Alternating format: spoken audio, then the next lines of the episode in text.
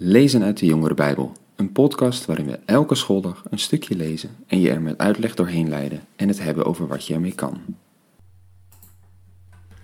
Dag leuke podcastluisteraars. Goed dat je weer luistert en dit is alweer de laatste aflevering van deze week. We hebben heel de week gelezen in het boek Job. Een boek waarin we lezen in dat bekende verhaal hoe Job alles verliest. Zelfs zijn kinderen en zijn gezondheid. En waarin heel de tijd de discussie gaat over die ene vraag. Waarom overkomt ons, waarom overkoopt Job al die ellende? We hebben gehoord hoe Jobs vrienden vasthouden aan dat ene idee. Als je goed doet, dan krijg je goed en word je beloond door goed. Als je fouten maakt, word je gestraft. Maar zo houdt Job vol en zo lezen we ook in de rest van het boek. Zo werkt het niet. Maar tegelijkertijd moeten we ook niet, net als Job, denken dat wij het beter weten.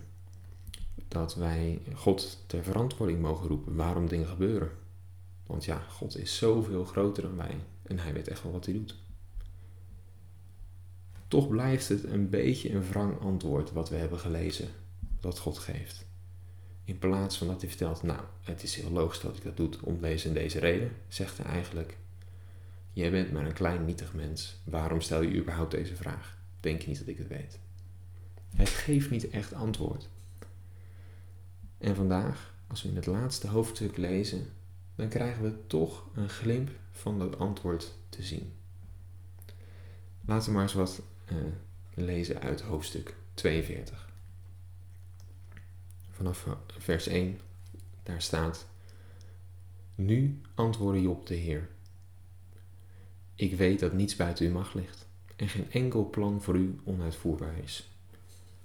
Wie was ik dat ik door mijn onverstand uw besluit wilde toedekken? Werkelijk, ik sprak zonder enig begrip over wonderen te groot voor mij om te bevatten. U zei: Luister, nu zal ik spreken. Ik zal je ondervragen. Zeg mij wat je weet. Ik heb u horen spreken. En nu heb ik gezien wie u bent. Daarom zal ik verder zwijgen. Nu vind ik troost voor mijn kommervol bestaan. Dit is Jobs antwoord op God, nadat God op zo'n indrukwekkende manier Job heeft laten zien wie hij is, wat hij allemaal doet en hoe groot hij is. Hij heeft Job eigenlijk laten zien dat hij als klein mens de vraag moet loslaten waarom hem dingen overkomen. Omdat God zo groot is dat hij wel weet wat hij doet. En hier lezen we dus dat Job het kan loslaten. En troost vindt in die gedachte dat God, die liefdevolle God, weet wat hij doet. Maar hij zegt er nog iets bij, een interessant vers. En daarin zit een glimp van het antwoord. We lezen dat Job eerst God kende van de verhalen die hij had gehoord van andere mensen, wat anderen over hem gezegd hadden.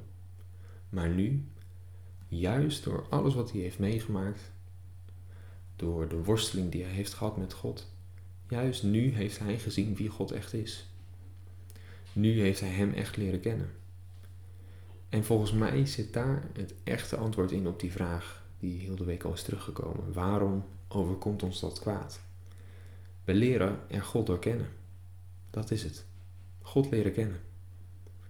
Want juist als we het moeilijk hebben, dan ervaren we dat God kracht kan geven en rust. Juist dan hebben we Hem nodig en ervaren we dat God liefde is. Juist in die momenten waarop het moeilijk is, leren we dat we God kunnen vertrouwen en dat we onze zorgen los kunnen laten. En je kan bijvoorbeeld ook die vraag stellen: waarom liet God het toe dat het in het begin al fout ging, dat Eva van die boom had? Want volgens de Bijbel is daar alle ellende uit voortgekomen. En dat is zodat wij mensen konden leren hoe God is. En God uiteindelijk Jezus kon sturen. En door Jezus kon laten zien dat hij van ons houdt. Nou, dat is natuurlijk een dwaze idee. Dat wij mensen maar moeilijk kunnen verkroppen. Dat God het blijkbaar nodig had dat wij door al deze nare dingen heen gaan om te laten zien hoe goed hij is en dat hij liefde is. Hij werkt eigenlijk dus met contrast. juist door dat er in een schilderij vaak donkere delen zitten, springt het licht er echt uit. Dat is toch hoe God werkt. En ja, dat kunnen wij naarvinden op het moment zelf, maar dat komt ook omdat wij niet zien waar God naartoe gaat. En we niet zien hoeveel groter het goede is waar het uiteindelijk naartoe gaat. Hè? Dat zegt Paulus later ook. Maar hier in dit boek Job, daar kunnen we dus al lezen. Job, in alles wat hij heeft meegemaakt, heeft God echt leren kennen en heeft hem echt leren vertrouwen. En daarom vindt hij troost in zijn kommervol bestaan, zoals het er zo mooi staat. In het bestaan wat niet altijd makkelijk is. En toch is dat niet het einde van het verhaal. Er is toch nog een happy end. We lezen verder vanaf vers 10. Daarna bracht de Heer een keer in het lot van Job en hij gaf hem het dubbele van wat hij eerder bezat. Al zijn broers en zijn zussen en iedereen die hem vroeger kende, kwamen naar zijn huis om samen met hem te eten.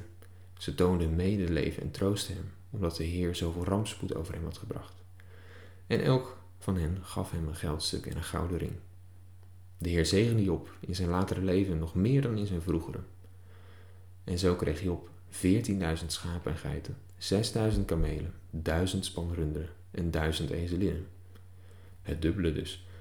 Ook kreeg hij zeven zonen en drie dochters.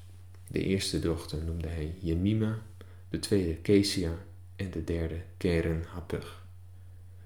En in het hele land waren er geen mooiere vrouwen dan de dochters van Job. En hun vader gaf aan hen een groot erfdeel als aan hun broers. Even groot.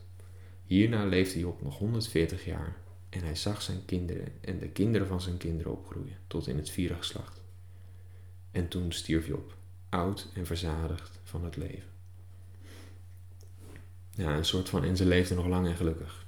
Ook nog in dit boek, wat toch eigenlijk vooral gaat over al dat nare. Maar uiteindelijk onthoudt waar de kern hierin zit. Het gaat er niet om dat Job uiteindelijk het dubbele van alles heeft en dat het daarom goed is. Wat voor hem het waardevolste was, was dat hij dus God heeft leren kennen. Dat hij juist door dat kwaad heen heeft leren zien wie God is en dat hij op hem kan vertrouwen en het los kan laten. En dat mogen wij dus ook doen. In al het nare wat we tegenkomen, mogen we leren om God te vertrouwen. Want God is zo groot dat hij weet wat hij doet. En hij is echt liefde. Want juist door die ellende worden we gevormd en leren we. En de toekomst zal zoveel mooier zijn. En dat is ons en wij leven nog lang en gelukkig. Daar mogen we aan vasthouden. En daar mag je komende tijd eens even over nadenken. En dat was het voor deze week.